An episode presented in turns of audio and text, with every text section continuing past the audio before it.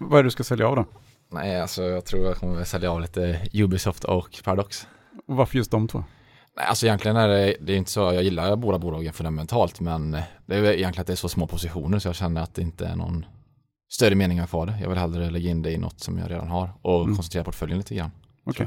Men Ubisoft, det, det är väl det här franska Ja, spel, franska spelutvecklaren, de har haft det tufft så jag lägger ju inte plus på dem heller. Men vi får se. Jag tror det blir kanske någon gång efter sommaren här, vi får se när det blir av liksom. Okej, okay, ska vi köra igång?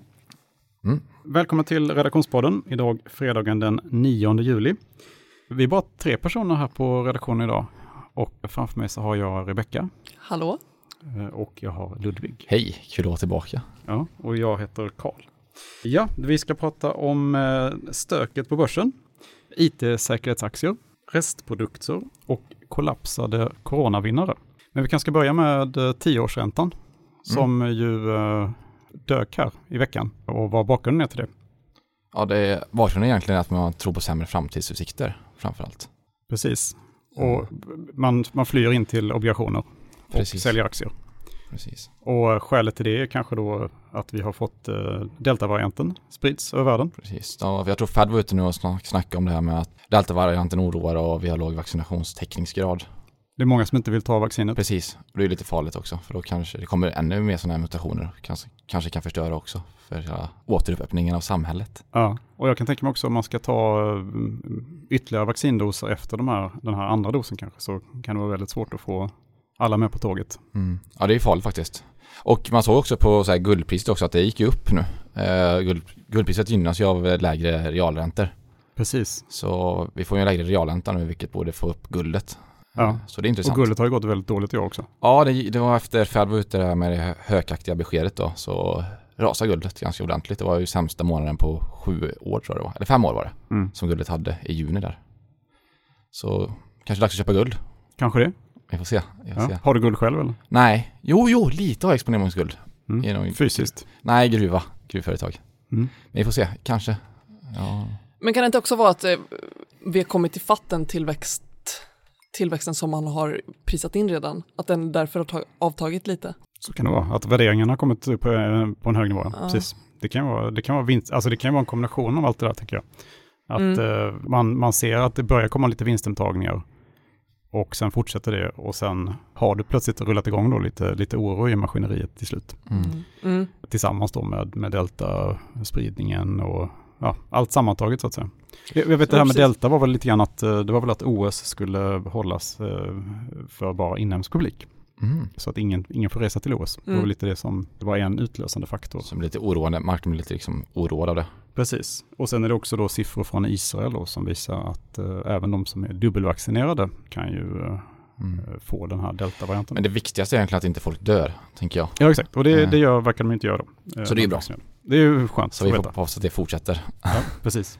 Ja, nej men annars har vi fått uh, ganska många vinstvarningar i uh, gamla coronavinnare då. Och jag tänker framförallt på uh, Desenio som sysslar med väggkonst, där försäljningen då bara var hälften så stor som de hade förväntat sig här i juni. Och aktien rasade ju nästan 40, ja, 44 procent igår. Ja, usch.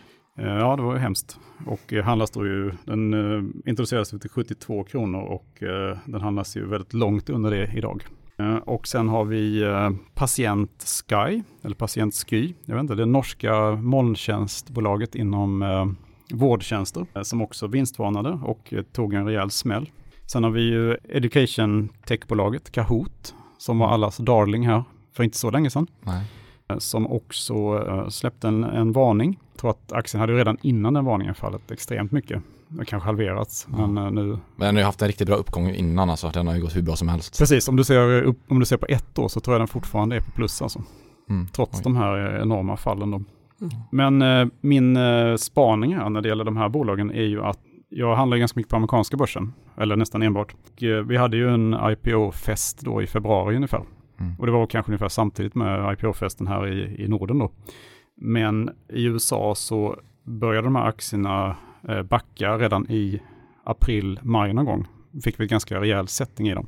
Och många av dem har ju halverats då från, från sina respektive eh, IPO-kurser. Och min tolkning är lite att eh, USA ligger före Europa när det gäller vaccinationstakt bland annat. och att man då har sett effekten av vaccinationerna och öppnandet av samhället mycket tidigare där. Så att jag tror att det, det vi ser nu i till exempel decennier då är att de missgynnas ju då av att människor helt enkelt ja, kan, börja, kan börja leva normala liv igen. Ja, precis. Men jag tror verkligen du säger någonting. Jag tror stenhårt på det också, att det kommer nog bli många företag som missgynnas liksom av återöppningen. Ja, precis. Och då behöver ju aktiekurserna kanske gå ner lite grann. Ja, justeras till det här då. Liksom. Mm.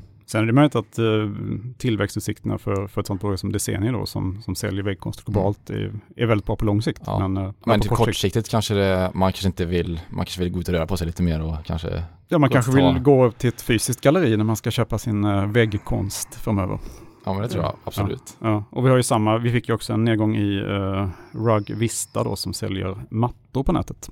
Mm. Uh, nu tror jag inte de, de har inte lämnat någonting men de drogs för ner i samband med att de andra gick ner så att säga. Okay. Mm -hmm. Så att uh, där tror marknaden att de kanske också kan drabbas av det här. Men mm. intressanta kursrörelser. Ja, verkligen. Så att uh, det är klart att det kan ju vara intressant om man, om man då tror på de här bolagen så på lång sikt så det, kan det säkert vara jätteintressant att, att börja kika på det, tror jag. Äger ni någon av de haft en, någon sån här coronavinnare som har fallit? Nej, ingen av dem du tog upp? Nu. Nej, inte någon de tog upp, men jag, nej, inte så direkt som jag tänker coronavinnare. Nej, själv då? Ja, alltså jag har ju uh, flera sådana som, uh, jag har ju köpt många IPO i USA då som uh, har gått ner mycket. Ah. har du köpt dem nu eller vid Nej. IPO?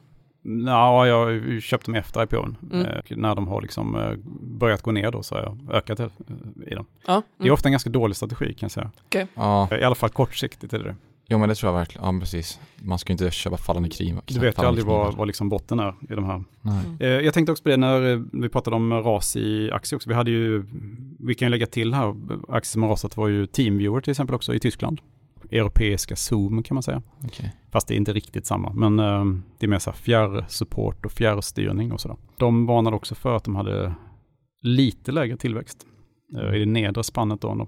Och uh, sen har vi också haft Europas största e-apotek som heter Shop Apoteke. Som också då varnade för lite lägre försäljning. Ja, det har kommit många sådana i den, mm. den sektorn tror jag. Tidigare coronavinnare som nu ändå tvingas justera ner sina försäljningsprognoser. Mm. I alla fall tillfälligt då.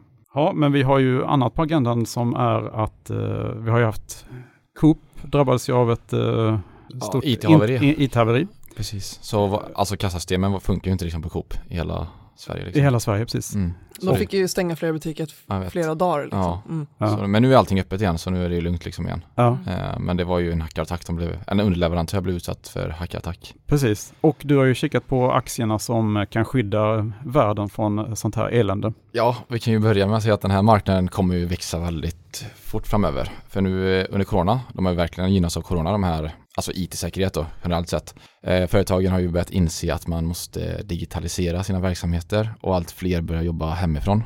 Eh, och då måste man ju vara uppkopplad på nätet eller molnet. Och man måste ju få, datan måste ju skyddas. Annars kommer ju folk liksom att ja, hacka dig liksom och det är inte något man vill vara med om.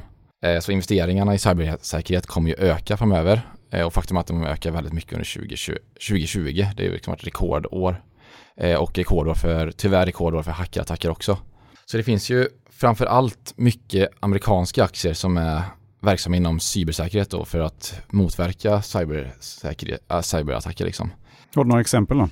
Oh ja, det finns många. Eh, jag kan tillägga först att detta är verkligen inte alla. För jag har fått lite, lite mail angående att det finns hur många det som finns helst. Många som helst ja. Så ja, det finns en hel del. Eh, så det här är några då. Det är ju Crowdstrike, mm. McAfee som du har Karl, vet jag. Mm, och du har väl Crowdstrike va? Ja, jag har Crowdstrike. Eh, dyrt, jag kommer in på det lite senare. IBM, Fortinet, Palo Alto, Google, Microsoft och Zscaler. Detta är bara några då.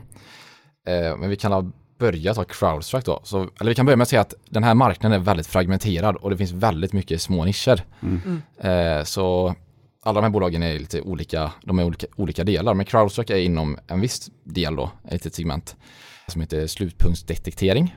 Vad betyder det då? Ja du, det är svårt men det är väl det att man egentligen, om jag förstår det rätt då, så skyddar man en dator som är uppkopplad på nätet eller på någon, till någon server. Jag vet inte exakt vad det betyder, jag är ganska dålig på sån här teknik. Så. Alltså man skyddar den förbindelsen mellan datorn och ja, servern? Ja, precis. Mm. Eh, och det är Crowdstrike liksom marknadsledande. Och de har liksom en väldigt låg eh, marknadsandel, det är liksom 1% liksom. Trots så, att de är marknadsledande? Ja, ja, så det väntas komma en riktigt ordentlig tillväxt här. Och det syns ju verkligen på värderingen. EV Sales är liksom på 50 på 2021. Så det är en riktigt brutal värdering. Men om vi tar lite här då så är det väldigt rimligt att bolaget kanske växer 50% varje år till 2027. Även fast det är ganska brutala antaganden. Men det är ju rim fullt rimligt. Då får vi liksom ett PS-tal på 6 ungefär på 2027. Du, 2027 alltså? Ja, så det är väldigt, det är väldigt långt bort liksom. Så den är ju väldigt högvärderad. Jag, jag tror alltså den är fruktansvärt högvärderad, så det är ju inte något liksom köpläge om man kollar på värderingen. Det är kanske det man skulle börja kolla på nu, hur, hur PS-talen ser ut för 2027. Ja, alltså det är så långt bort så det är helt sjukt. Uh, så det är ju inte något värdebolag direkt om man köper för värderingsmässigt, men de är de verkar ha sjukt duktig ledning och allt sånt där liksom. Men det är egentligen bara värderingen som är ja, för jäklig liksom. Mm. Eh, så det är inte något man kanske ska gå in i. Eller jag vet inte riktigt. Det får vi se. Men, det men du äger det själv? Jag äger det själv, men det var ju ett tag sedan jag köpte så det var inte sån här hög värdering jag köpte. Hur, hur, stor andel av marknaden har de? Crowdstrike? Av nischen då är ungefär mm. 1%. Mm. Kanske lite mer nu. Kanske 1-2% då liksom. Så det är inte någon stor. Och de väntas ju ta marknadsandelar, marknadsandelar nu liksom. Så jag tycker det är ett intressant bolag men det är för hög värdering. Så kanske köpa i eh, en eventuell dipp då kanske. Men vi kommer till lite större bolag, det är ganska lite bolag jämfört till exempel Paolo Alto som du har Karl. Eh, de, eh, de förvärvar lite bolag och sånt där och eller konsoliderar marknaden. Så de är ju lite olika nischer. De är dock inte lönsamma men växer typ snabbare än sina konkurrenter som är Fortinet till exempel i ett segment då.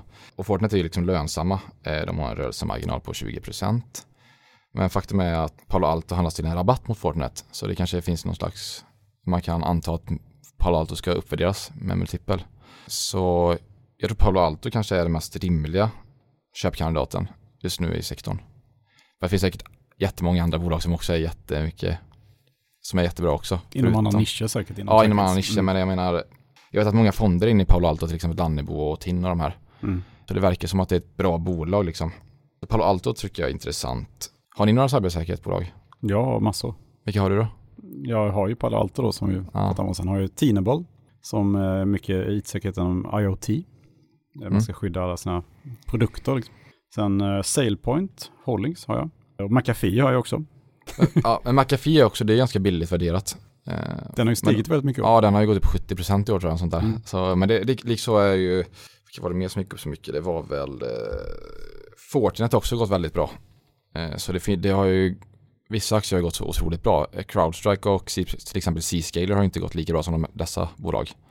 Men den här marknaden väntas växa fruktansvärt mycket i framtiden och det kommer verkligen, det är stort behov av marknaden. Så det, jag tycker det är, det är liksom intressant med digitaliseringstrenden och alltihop. Eh, så det borde ju vara en marknad man ska exponera sig mot. Men sen kanske det är väldigt svårt att pricka rätt. Mm. Eh, Precis.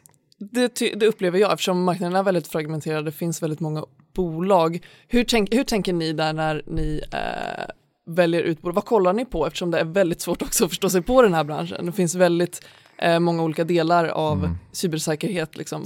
Alltså man vill ju ha marknadsledare helst. Mm. Mm. Så att, eh, det var lite därför jag köpte Palo Alto dem. Mm. För att de är så stora helt enkelt.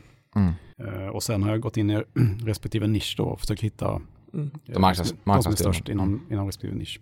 Mm. Eh, det jag använde mig av för att uh, hitta de här bolagen, det var den här, det finns ju en ETF inom cybersecurity mm. från iShares. Som, uh, där du då kan, kan liksom, då, då, då, kan du ändå få en viss rangordning på bolagen. Mm. Uh, DocuSign äger också till exempel. Det är, också, ja, det är som BankID typ. Det är som, precis, som amerikanska BankID då. Som ja, det är intressant. Som typ blivit standard för det i USA. Mm. Det är intressant. Norton LifeLock äger också. Okej, okay. ja, men det är intressant. Upp 30% i år ungefär. Ja, det finns mycket. Det Norton finns... har ju funnits väldigt länge liksom. Sen, Ja, men jag letar väl efter, också som du säger Karl, marknadsledande. Försöker hitta bolag som växer ganska bra. Typ som Crowdstrike då växer ju bra men värderingen ser ju fruktansvärd ut. Men typ kolla, försöka läsa lite rapporter också om vilka alltså branschbedömare tror är bäst liksom. Och vad folk tycker om bolagen och, och lite sånt, lite mjukare värden kanske. Höra med experter som kan ja, branschen. Liksom. Sen kolla på, nu väntar ju Crowdstrike med vinst 2022. Så de ska ju bli lönsamma snart men Ja, värderingen är för hög alltså. Jag tycker nästan det är lite läskigt. Men vi får se vad som händer. Ja, mm. men är tillväxten ja. hög så... Ja, så länge, de, liksom. så länge de växer är det ju, mm. ja, in, ja, nu måste de växa mycket då liksom, men ändå intressant bolag. Mm. Det är i alla fall, i vilket fall som helst, är det ju en sektor som uh, står inför några väldigt gyllene år. Mm. Så det är kanske därför man ska köpa en ETF eller något sånt där inom sektorn? för att skjuta brett liksom. Alltså om man inte orkar sätta sig in i bolag och mm, på andra sätt är intresserad av det så är det väl ett utmärkt sätt att få exponera mot det. Mm. Kolla, kolla in ETF helt enkelt. Mm. Eller någon fond tror jag också det finns, liksom cybersecurity-fond. Det finns certifikat också, mm. uh, cybersecurity. Och det finns någon fond, precis. Någon. Mm. Ja, Allians har någon fond. Mm, mm, mm, ja. Nej, men det kan vi rekommendera. Att det, I alla fall, man behöver sektorexponeringen kan man säga. Det tror jag. Det tror jag verkligen man ska ha i sin portfölj. Mm. Mm. Men eh, annan exponering, det finns ju eh, som är lite hett. Det är ju att man eh, ska ta hand om avfall. Och du har ju kollat på ett bolag som tar hand om slaktavfall, Rebecka. Ja, bland annat slaktavfall, precis. Och också avfall från bagerier och restauranger i form av liksom fritösolja och eh, ja, sådana rester. Och eh, ja, det är ett bolag som heter Darling Ingredients, är ja, ett ESG-bolag klassas det väl som. Är det svenskt bolag? Eller? Nej, det är amerikanskt. Ja. Mm. Och de då tar hand om de här eh, restprodukterna och försöker ja, förädla dem till eh, användbara ingredienser som kan mm. användas på andra sätt helt enkelt. Det blir, de, gör, de gör ingredienser som säljs vidare till eh, en producent av till exempel djurfoder. Eh, och de gör också biodiesel och biogas, men också kosttillskott till exempel till människor eh, som man kan utvinna då från liksom, eh, slaktrester, sånt som annars kanske bara skulle kasseras. Det låter lite äckligt ju. Ja, det låter lite vidrigt faktiskt. men det kanske inte gör något. Nej men absolut, det är väl jättebra att kunna ta hand om sådana här eh, delar eh, som, ja, som annars bara slängs. Jag trodde man gjorde hundmat av allt slaktavfall. Ja men det gör man också, precis. Mm. Alltså djurfoder eh, mm. är ju en del i det här eh, och den största av deras eh, segment. Eh, och det här bolaget, för att vara ett ESG-bolag så ser det ju ändå ganska billigare ut än, än andra liksom, ESG-bolag som ofta är väldigt högt värderade. PE 19 för 2021 eh, och 14 för 2022. Så det får man väl säga inte är allt för Hur mycket växer de? Har någon uppfattning om hur mycket de växer? Eller är det mer liksom Alltså ett värdecase liksom att det inte växer så fort. Jo men det växer till nästa år ska det växa med 22 procent enligt Oj, konsensus. Men, men sen framåt är det... Avtagande. Ja, exakt, mm. det avtagande där. Ja, så där får man väl ha med i, i, i, i den beräkningen. Men det känns ju ändå ganska billigt faktiskt om man ska, om växer 20 procent och så ska växa lite mindre sen. Så känns det väl ändå rimligt värderat eller? Ja det tycker jag. Det låter väl som... Det känns ju trevligt. Intressant case i alla fall. Det känns mycket trevligare än Crowdstrike. Det, ja precis. Men samtidigt kanske svårt förutsäga den branschen. Jag vet inte riktigt. Det, hur vet man hur mycket slaktavfall som kommer in till exempel? Ja men precis, Nej. det är väl sånt som... Eh, Volymerna är svåra. Jag tänker svårt. volymer kanske minskar också om vi äter mer växtbaserat liksom. På, ja, lång, på riktigt långsiktigt. Trenden går ju mot det. Liksom. Ja. Så, att, uh... så det kanske är det som investerare är oro, oroliga för liksom. Ja, det är väl den långsiktiga risken att, att eh, det ska att köttproduktionen helt enkelt ska avta. Men... Eh, Vad ska alla hundar äta då? men det, det kommer nog, ja, jag, jag, jag, enligt min åsikt tror jag inte att det är ett stort hot, helt enkelt. Så, men äger du aktien? Nej, det gör jag inte. Skulle du köpt den om du? Eh, ja, men lite sugen kanske. Men... Mm. Eh, ger de utdelning? Nej, de ger ingen direktavkastning här. Mm. Vad har ni gjort någonting i veckan då, som har gått? Nej, jag har inte gjort någonting i veckan. Men jag är lite eh, sugen på att köpa Prosus. Eh, okay. Som har exponering mot Tencent då. De har fallit kraftigt ju. Ja, de har, jag, jag köpte ju förra året senaste gången jag var här. Eh, så ligger back nu kanske 8%. Jag vet inte hur de har gått idag men jag gillar ju Tencent jättemycket. Eh, jag tycker de får exponering mot Kina på ett fantastiskt sätt. sätt liksom. Med gamingsektorn och det här WeChat, jätteintressant. Så jag skulle vilja ha lite mer men men det ligger ju en död hand över kinesisk tech ju. Ja, det är det som jag är lite rädd för. Regulatoriska mm. Ja, det är det som jag tvekar nedslag. på. Jag ska läsa, lite, läsa på lite mer om eh, det, hur det kan utvecklas. Men det är jävligt svårt att säga liksom. Men ja, man ska ju köpa en andra rädda liksom, brukar man ju säga. Jo, visst. Nej, men det är, det är helt rätt. Men nu tänker jag liksom, nu köper jag detta på lång sikt. Jag tänker inte liksom trada den här aktien. Men jag tycker, ja, jag tycker Kina är intressant. Jag tror det är där framtiden ligger. Så jag tror man ska ha Prosus i portföljen. Det är ett investmentbolag om jag inte sa det innan. Så det får ju, det är inte bara Tencent, du får med mycket, mycket Tencent. Du får massa, massa andra IT-bolag också va? Eller ja, säger jag, mycket fintech internetrelaterade mm, bolag. lite, typ Delivery Hero. Ja, Delivery Hero också får du, mm. som svensk vd där. Och grundare. Ja, grundare också. Niklas Östberg. Ja, just det, han är duktig. Eh, så det, blir, det finns ju också massor med andra små bolag där som kan bli riktigt bra. Så jag tycker Prosus är, och han har substansrabatt som vanligt. Ja, den är ju helt enorm. Ja, så det är ju Samtidigt, jag, jag får säga, jag själv då har ju faktiskt lämnat Prosut. Mm. Det sista eh, sköts väl iväg här för någon vecka sedan. Liksom. Varför, vad tänker du att det är Kina som oroar då eller att du inte bara orkar liksom med att kolla på den dystra kursutvecklingen? Ja, alltså det är väl en kombination av att uh, kursutveckling och sen att det är oklart vad som händer i Kina helt enkelt. Jag har ingen inblick där och uh, ingen annan heller. Mm. Uh, så det är en liten blackbox mm. och det vill jag, inte, vill jag inte just nu vara exponerad mot. Nej. Så att jag vill nog snarare se att det, det blir klarhet i spel, hur spelreglerna ska vara för de här it-bolagen innan mm. jag köper tillbaka. Ja, men jag tänker också kanske vänta lite men jag tycker ändå det är intressant att det... Mm. Men om man är intresserad av bottenfiske så är det säkert jätteintressant nu. Ja, fast man ska ju helst inte bottenfiska. Man ska inte bottenfiska. kan det vara en, ja, precis. Men, men jag tycker ändå de långsiktiga trenderna pekar på att det ska bli bra. Bara den här politiska risken släpper liksom så tycker jag att det är billigt och intressant. Även Alibaba är också jäkligt billigt och intressant. Mm. Eh, Billy Billy också, intressant också. Mm, den har jag faktiskt. Den funderar jag på att köpa också. Starka nätverkseffekter och... Tencent Music finns ju också. Mm. Ja, det finns mycket intressant i Kina. Visst gör det det. Så ja, vi får se. Det, finns, det, det är väl att man ska, det finns mycket att se upp med i Kina också. Alltså ja. du, har ju, du har ju dels regulatoriska risker, då, politiska risker som är väldigt, väldigt stora. Och sen har du också risken för uh, fraud. Mm. Du har ju att, alltså i, i länder, i den typen av länder så är ju risken för att eh, fusk väldigt stora helt enkelt. Mm. Du har ju haft väldigt, väldigt många fall av kinesiska bolag som har bara varit bluff helt enkelt. Mm. Ja, det är det man får se upp för lite grann kanske. Ja, fast jag tror inte du behöver se upp med den just Tencent då. Nej, Tencent, Tencent Och inte Alibaba väldigt... och inte uh, Billy Billy mm. och Tencent. Ja, det känns just. väldigt välskött mm. tycker jag när man kollar. Uh, mm. jag tycker... Men om du går ner, längre ner i listan så, så tror jag du ska vara väldigt, väldigt försiktigt. försiktigt. Vi får se, jag ska kolla lite mer på detta så kanske vi kan se om jag har gjort något köp till nästa podd. Mm. Och ta upp det igen. Har du gjort något Rebecka? Jag har inte snålat och eh, köpt Airbnb faktiskt. Ja, du har gjort det. Vad kul. det, ja. Hur tänkte du då, då? Ja, men jag tycker det har bevisat lite under coronakrisen, eller det har klarat sig, i alla fall omsättningsmässigt mycket bättre än liksom andra traditionella hotellkedjor till exempel.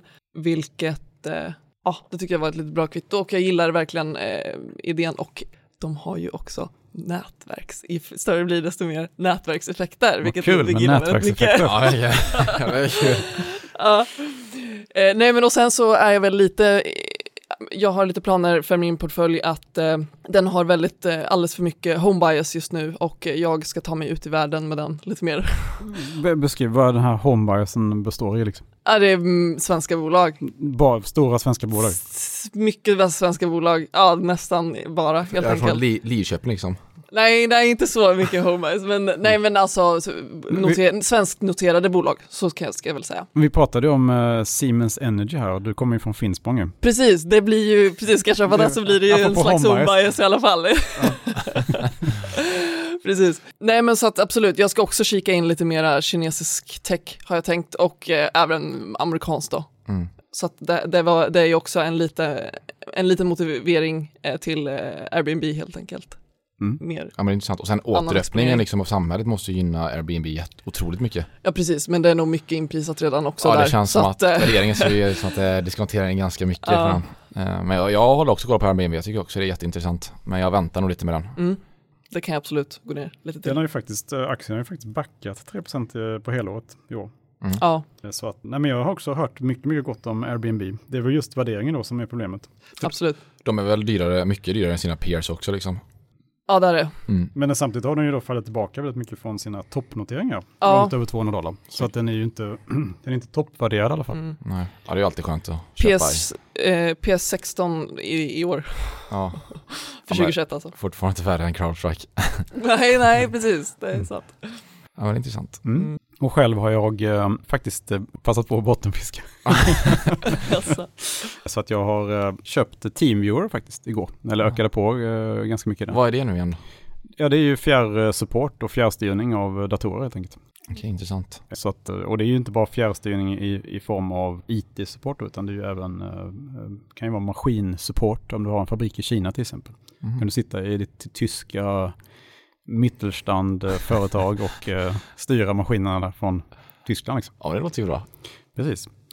Men eh, som sagt, de, de varnade för att det var lite lägre försäljning då i april och eh, maj, men att juni såg bra ut igen. sa de. Mm. Men de kommer hamna i det nedre spannet då. De, alltså de, har inte, de har inte ändrat sin guidance för helåret, de har bara sagt att det kommer i det nedre spannet för helåret. Och det är ju ett företag som verkligen tjänar pengar, skillnad från många av de här bolagen. Och de är ledande inom sin nisch just nu. Det, som en, det enda som jag möjligen ser som negativt på det, det är ju då att det är eh, europeiskt då kanske. Mm. Och att eh, den här eh, Europa är inte känt för att ha de skarpast, liksom. skarpaste innovativaste eh, techbolagen då. Egentligen finns det ju, i Tyskland finns det ju SAP till exempel som då är, konkurrerar mot ja, de stora amerikanska dagarna. Annars finns det ju väldigt få bolag. Så att man, egentligen vill man ju ha hela det här, att det ska finnas en, en fin grund för det, liksom. alltså många, många techbolag. Ja, jag tycker att värderingen i TeamViewer är så pass låg och pressad just nu. Har du någon multipel på det? Alltså vad som, vad den handlas till? Ja, den handlas väl till EV Sales 10 eh, kanske något sånt där just nu. På innevarande år? EV Sales 10 på, på innevarande mm. år och 8 eh, på nästa år. Men det låter ändå rimligt. Det låter rimligt på ett bolag som ändå växer, tycker mm. jag. Absolut. Sen har du såklart, eh, det sattes på börsen då på hösten 2019 för 26,50 euro. Och kursen har som högst varit uppe en bit över 50 euro. Men nu kan du då handla den för 28 euro. Så den är i princip tillbaka till sitt, sin introduktionskurs igen. Men får jag kolla på. Ja, men i alla fall inte helt ointressant. Nej. Nej, det tycker jag. Eh, sen har jag ökat lite grann i Maravej Life Sciences också. De som eh, producerar då det här mRNA den tekniken, tekniken till, till, precis som används just nu för eh, coronavaccineringen då i första hand. Mm. Men det kan användas till andra saker också. Intressant. Mm. Yes, men eh, vi packar väl ihop. Ja, vi tar helg. Det får vi göra. Ja. ja. Trevlig helg. Ja, trevlig helg. Ha det bra. Hej, hej.